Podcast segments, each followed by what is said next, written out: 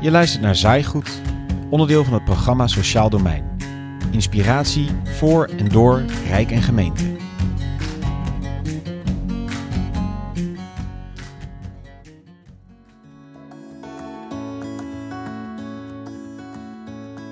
Per 1 juli 2021 treedt de nieuwe wet inburgering in werking.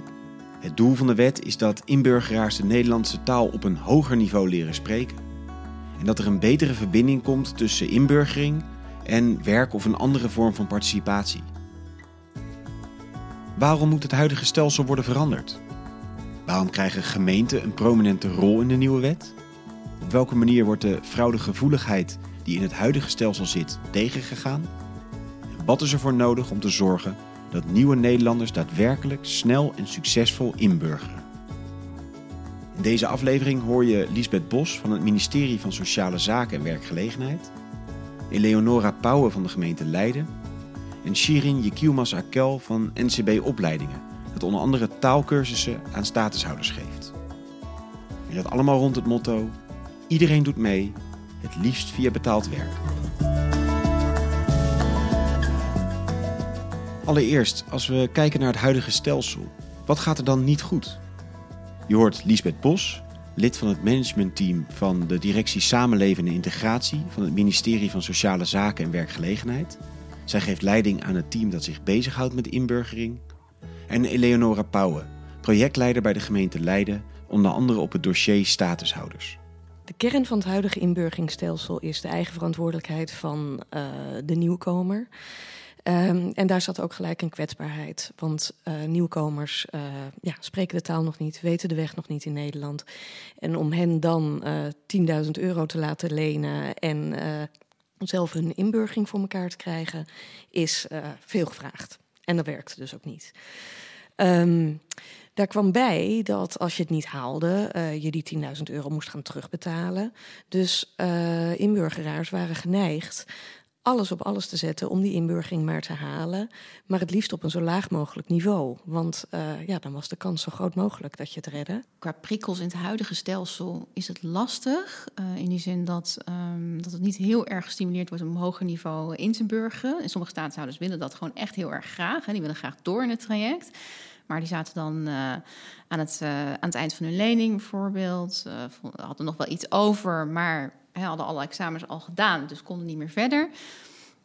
Dus in die zin ontbraken de prikkels om op een hoog niveau in te burgeren en ook om te participeren in, uh, in de maatschappij. Dat was uh, niet in eerste instantie iets wat het stelsel uh, gelijk aandroeg en waar wel behoefte aan was bij statushouders. Heel veel mensen hadden het gevoel dat ze een beetje passief moesten afwachten totdat hun reguliere inburgeringstraject voorbij was.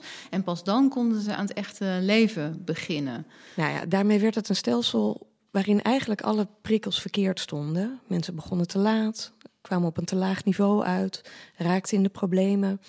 Terwijl je juist wil dat inburgering jou net dat zetje geeft wat je nodig hebt aan het begin om je weg in Nederland te gaan vinden.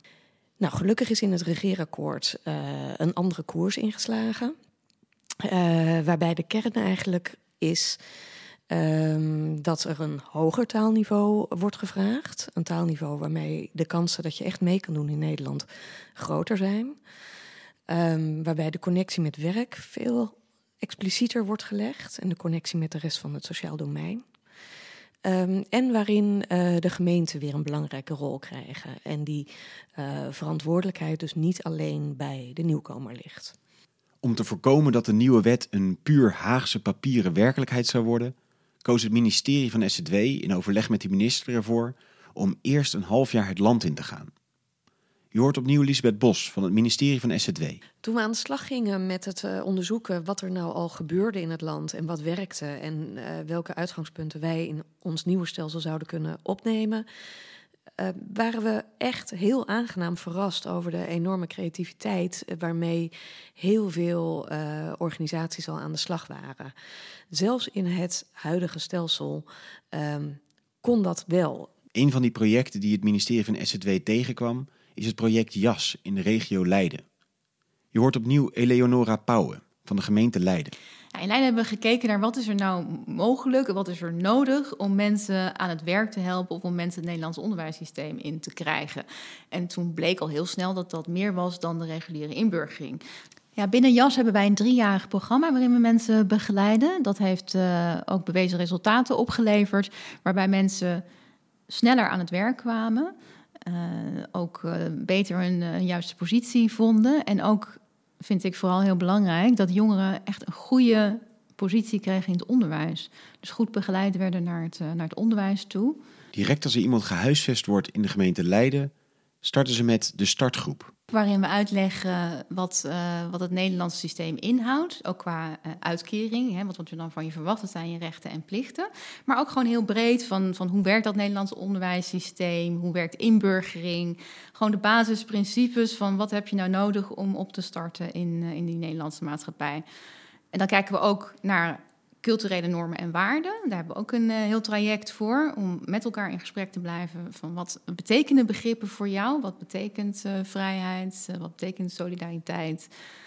misschien denk jij daar heel anders over dan ik. En dan is het leuk om met elkaar in gesprek te blijven daarover. En dat kan iets heel bazaals zijn van bijvoorbeeld een dierenambulance. Het begrip dierenambulance is voor veel statushouders ja, onbegrijpelijk omdat ze denken van ja, weet je, de basismensenrechten worden in heel veel landen al niet gerespecteerd, laat staan de dierenrechten. En dan is het, heeft het natuurlijk enigszins komisch effect als je dan kijkt naar een dierenambulance en hoe dat wordt ingezet in Nederland uh, en met wat voor doel.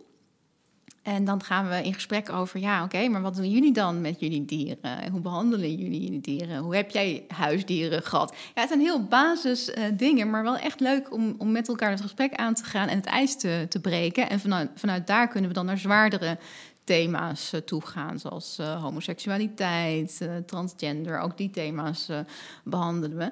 Maar het is wel leuk om dat soort ingangetjes te hebben om dan toch in een breder gesprek terecht te komen.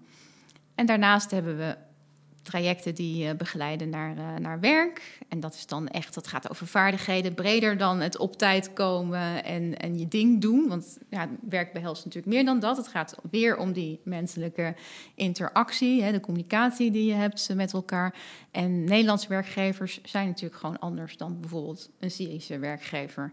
Na het half jaar onderzoek naar wat er allemaal al gebeurde in het land, waaronder ook dit Leidse voorbeeld is de nieuwe inburgeringswet geschreven. Wat we graag willen met dit stelsel is dat mensen zo vroeg mogelijk starten, op een zo hoog mogelijk niveau inburgeren.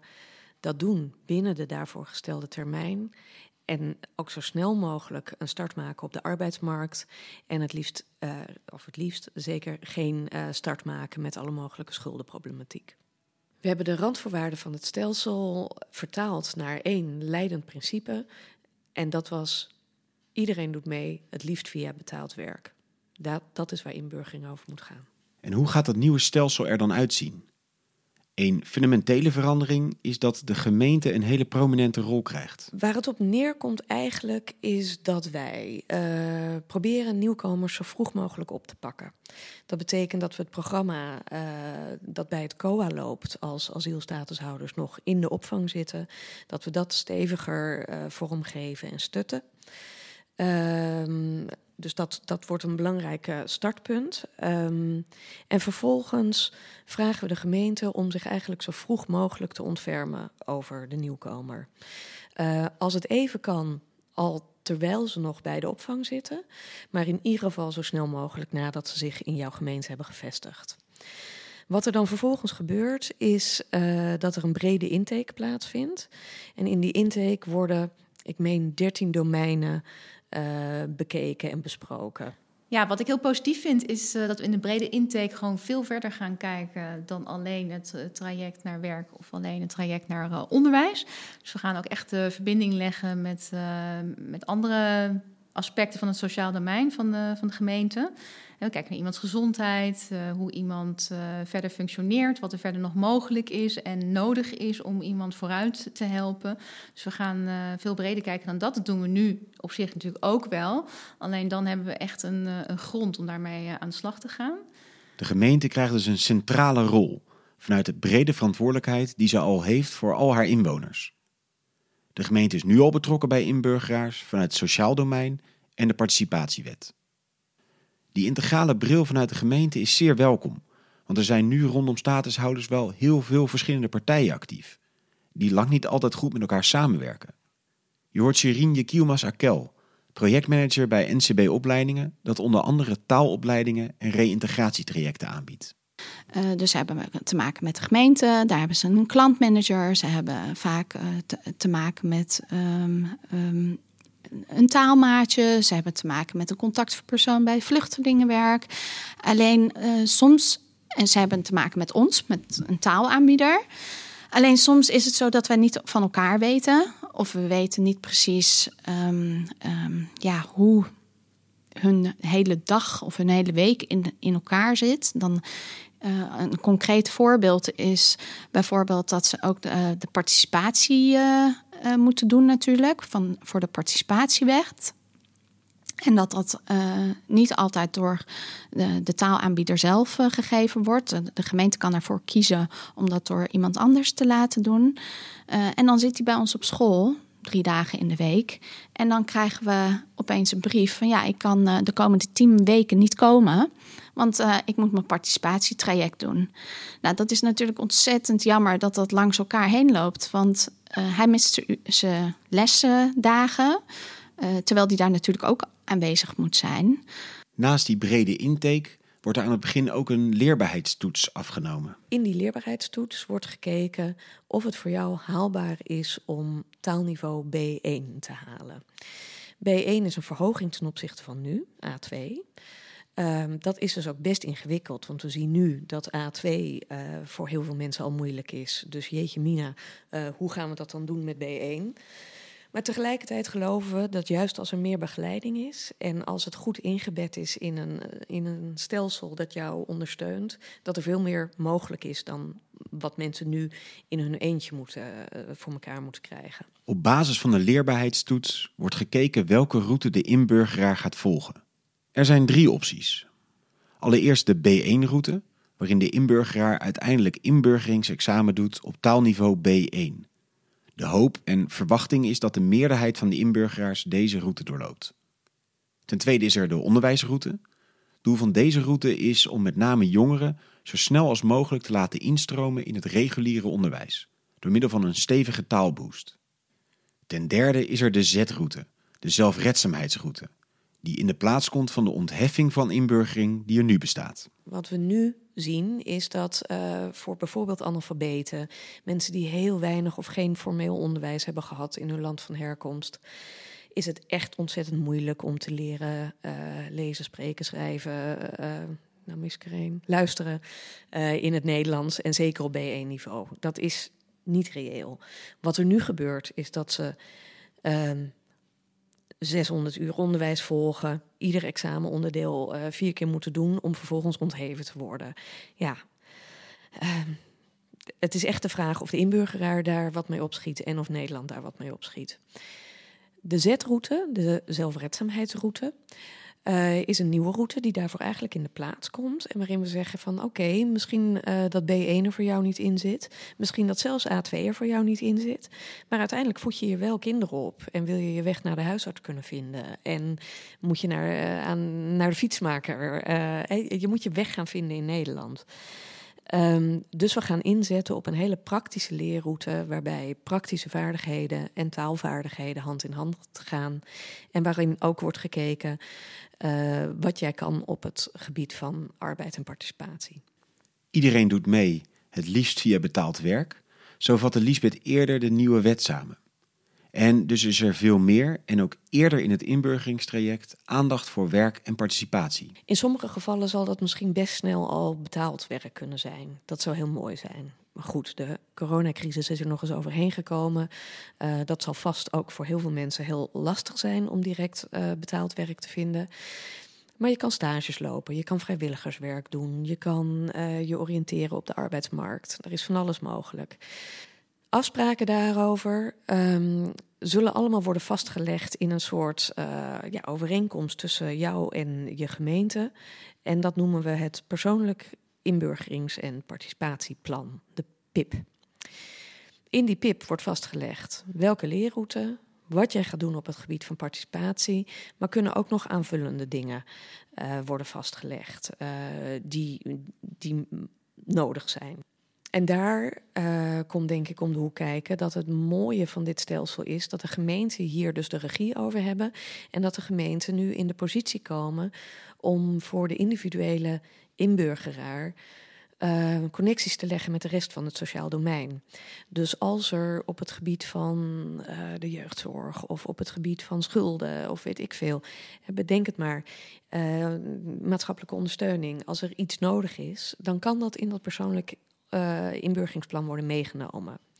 En daarmee komt er een soort afspraak te liggen, een, uitgangspunt waar uh, inburgeraar en gemeente uh, vastleggen wat de route zal zijn. Om de participatie te ondersteunen, moeten inburgeraars de module arbeidsmarkt en participatie doorlopen.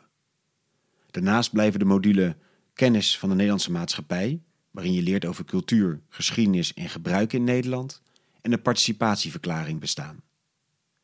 Nieuw is dat gemeenten de statushouders in ieder geval het eerste half jaar gaan ontzorgen. Een aspect wat ook belangrijk is, wat politiek nogal wat aandacht heeft gekregen, uh, is het ontzorgen. Uh, dat betekent dat uh, voor iedere asielstatushouder die zich vestigt in de gemeente, het eerste half jaar gemeente een aantal uh, of heel veel uh, financiële zaken overneemt. Dus uh, het aanvragen van toeslagen, het betalen van huur, dat soort zaken. worden allereerst door de gemeente gedaan. om, en tegelijkertijd wordt gekeken hoe de nieuwkomer zo snel mogelijk in staat kan worden gesteld om zelf die taken ook op zich te gaan nemen. Want uiteindelijk wil je natuurlijk dat mensen het zelf kunnen. De reden om, het, uh, om dit zo aan te pakken is dat we eigenlijk willen dat aan het begin uh, mensen niet helemaal verdwalen in die verschrikkelijke bureaucratie. Ik vind het ook ingewikkeld om een weg soms te vinden in de bureaucratie. Nou, als je dan de taal niet spreekt, de weg niet weet, uh, geen DigiD nog hebt, ga er maar aan staan. Dus we willen graag dat de focus is op, op inburgeren en zo snel mogelijk je weg vinden.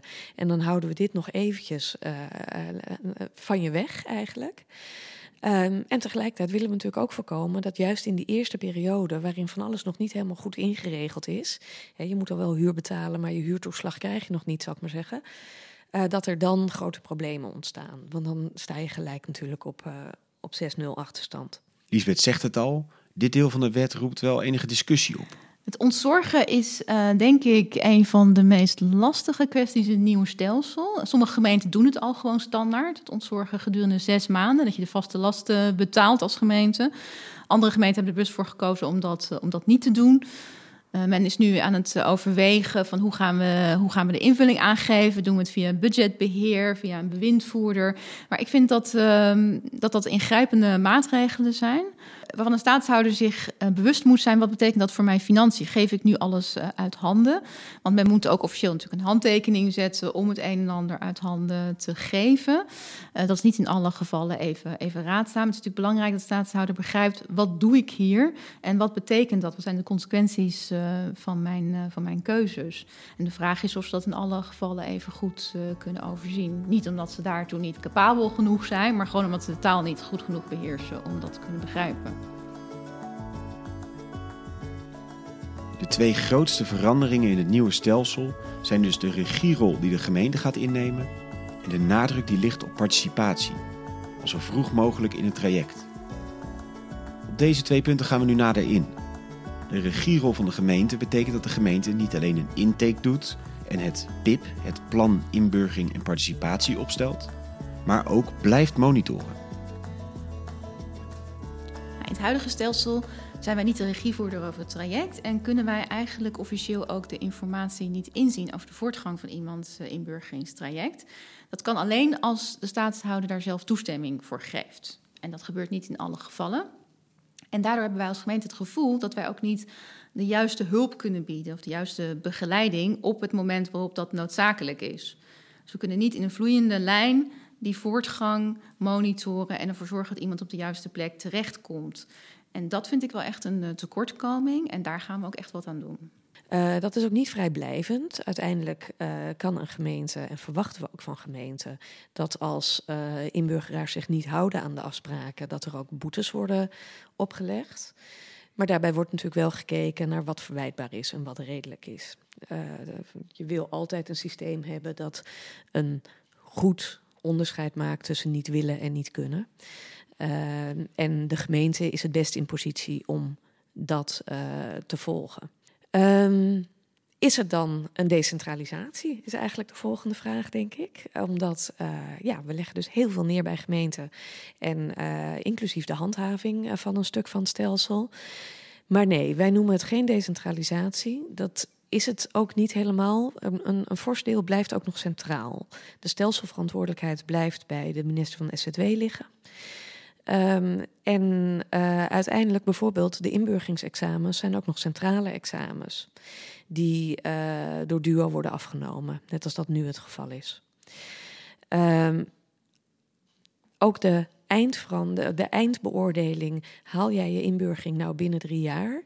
Heb jij voldaan aan je inburgeringsplicht? Is ook nog steeds, die wordt centraal uh, gevolgd door DUO. Die, wordt, die beoordeling wordt door DUO gemaakt.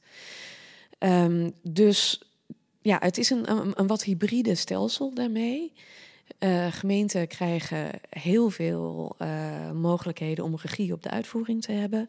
En tegelijkertijd uh, blijft er ook nog een gedeelte centraal en is de stelselverantwoordelijkheid op rijksniveau neergelegd. De gemeenten hebben dus de regierol, maar dat betekent natuurlijk niet dat ze alles zelf moeten doen. Gemeenten zullen in dit nieuwe stelsel als pin in het web organisaties om zich heen moeten verzamelen om samen uh, die inburgeringsroute voor elkaar te krijgen. Dan denk je natuurlijk allereerst aan taalscholen uh, en onderwijsinstellingen. Maar ook werkgevers uh, zullen een heel belangrijke rol spelen. we hopen heel erg dat de bereidheid die we de afgelopen jaren hebben gezien bij werkgevers ook nu overeind blijft. Um, organisaties op het gebied van budgetbeheer, uh, schuldhulpverlening, die uh, aspecten rondom het ontzorgen op zich kunnen nemen, zullen belangrijk zijn.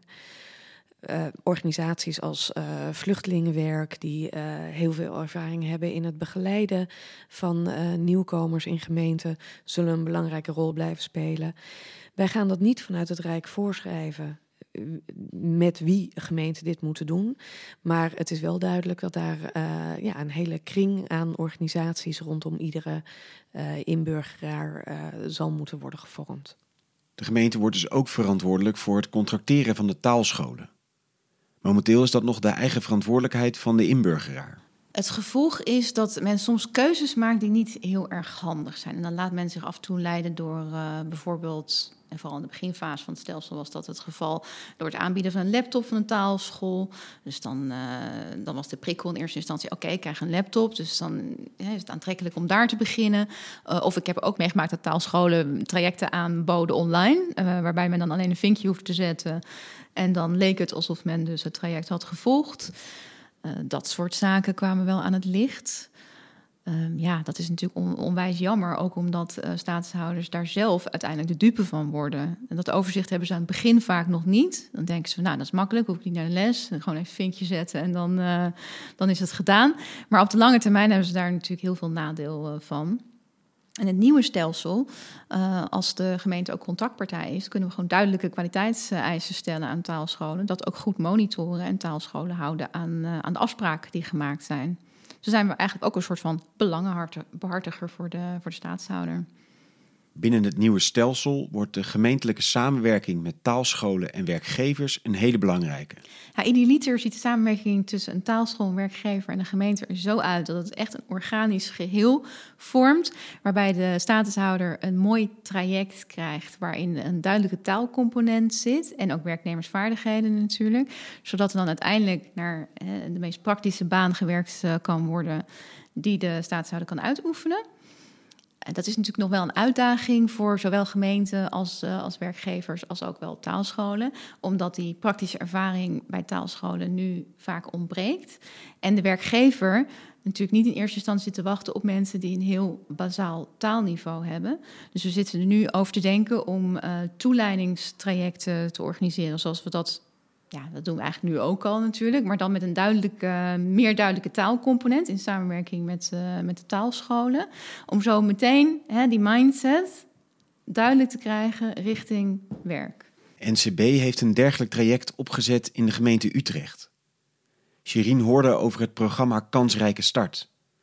Over dat programma hebben we eerder in Zaaigoed al een keer een aflevering gemaakt. En toen hebben we, heb ik ehm, ja, daar gehoord dat er ontzettend veel kraamverzorgingen nodig zijn. Vooral in de gemeentes Utrecht en Rotterdam. En toen ehm, zijn we gewoon zelf ehm, gaan proberen om bij kraamzorgorganisaties...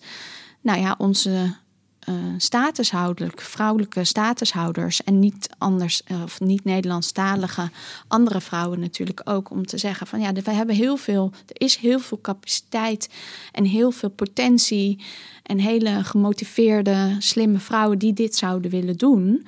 Alleen ze moeten daar wel een kans voor krijgen. En ja, staan jullie daar open voor? En Naviva Kraamzorg was dan degene echt uh, die ontzettend positief was over uh, ja, deze gedachten. En met hun samen hebben we een, ja, een project opgesteld.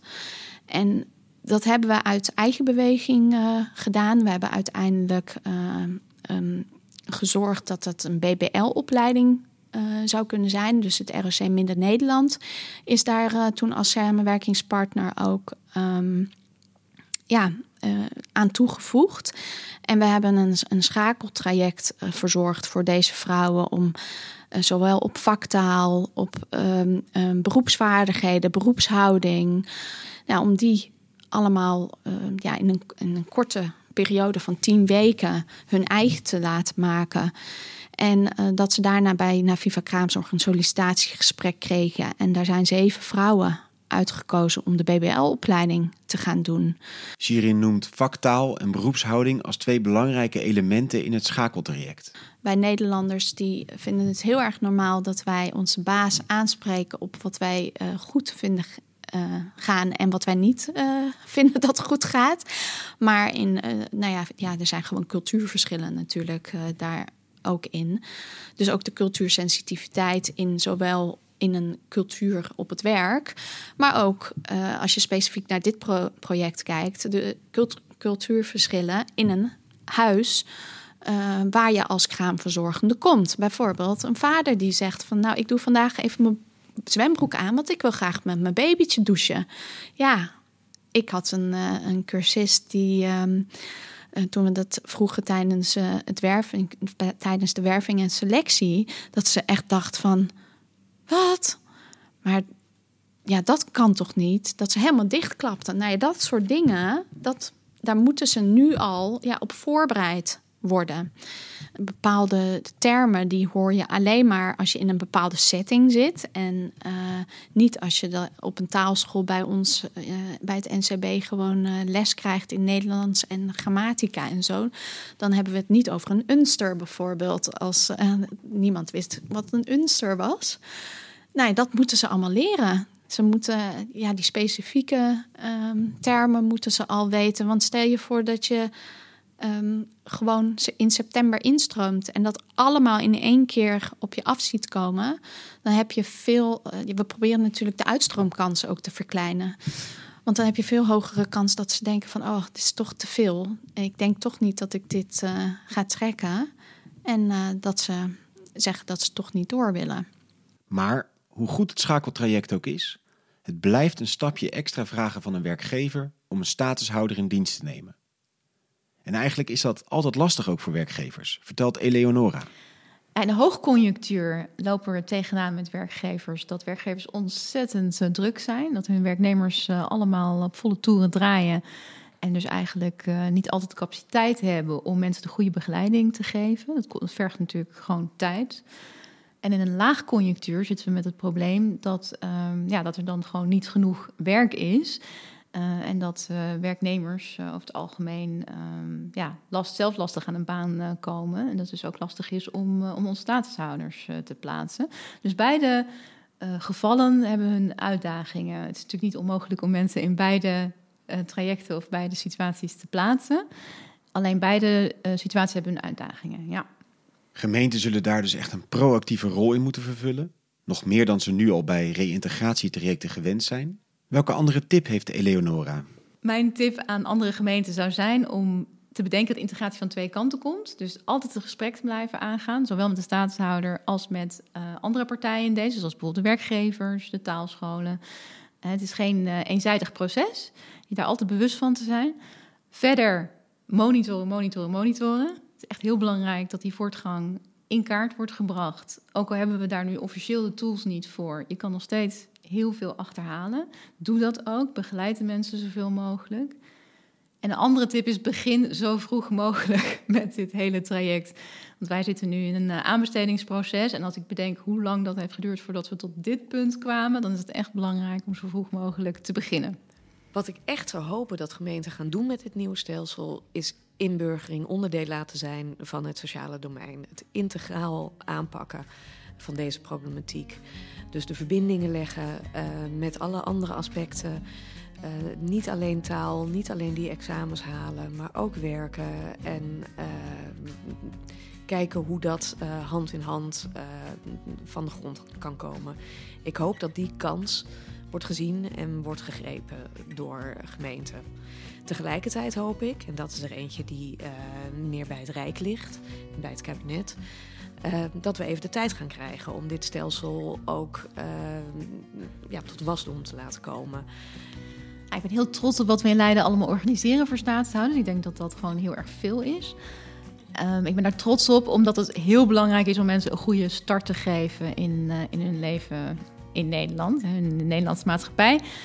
Om zo ook de juiste kansen voor hen te creëren op de lange termijn. Want je weet dat als mensen langere tijd in een, uh, in een bijstandsuitkering zitten, dat het dan steeds lastiger wordt om hen uh, nog goed op te pakken. Dus als je dat aan de voorkant goed neerzet, dan heb je daar op de lange termijn ontzettend veel profijt van.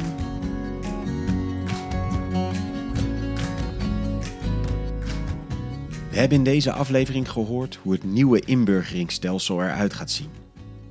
Werk en participatie moeten zo vroeg mogelijk een onderdeel worden van het inburgeringstraject en nauw verbonden zijn met het leren van de taal. Gemeenten gaan als meest nabije overheid een sleutelrol vervullen in het stelsel, van de brede intake en het ontzorgen tot de doorlopende monitoring en het verbinden met de arbeidsmarkt.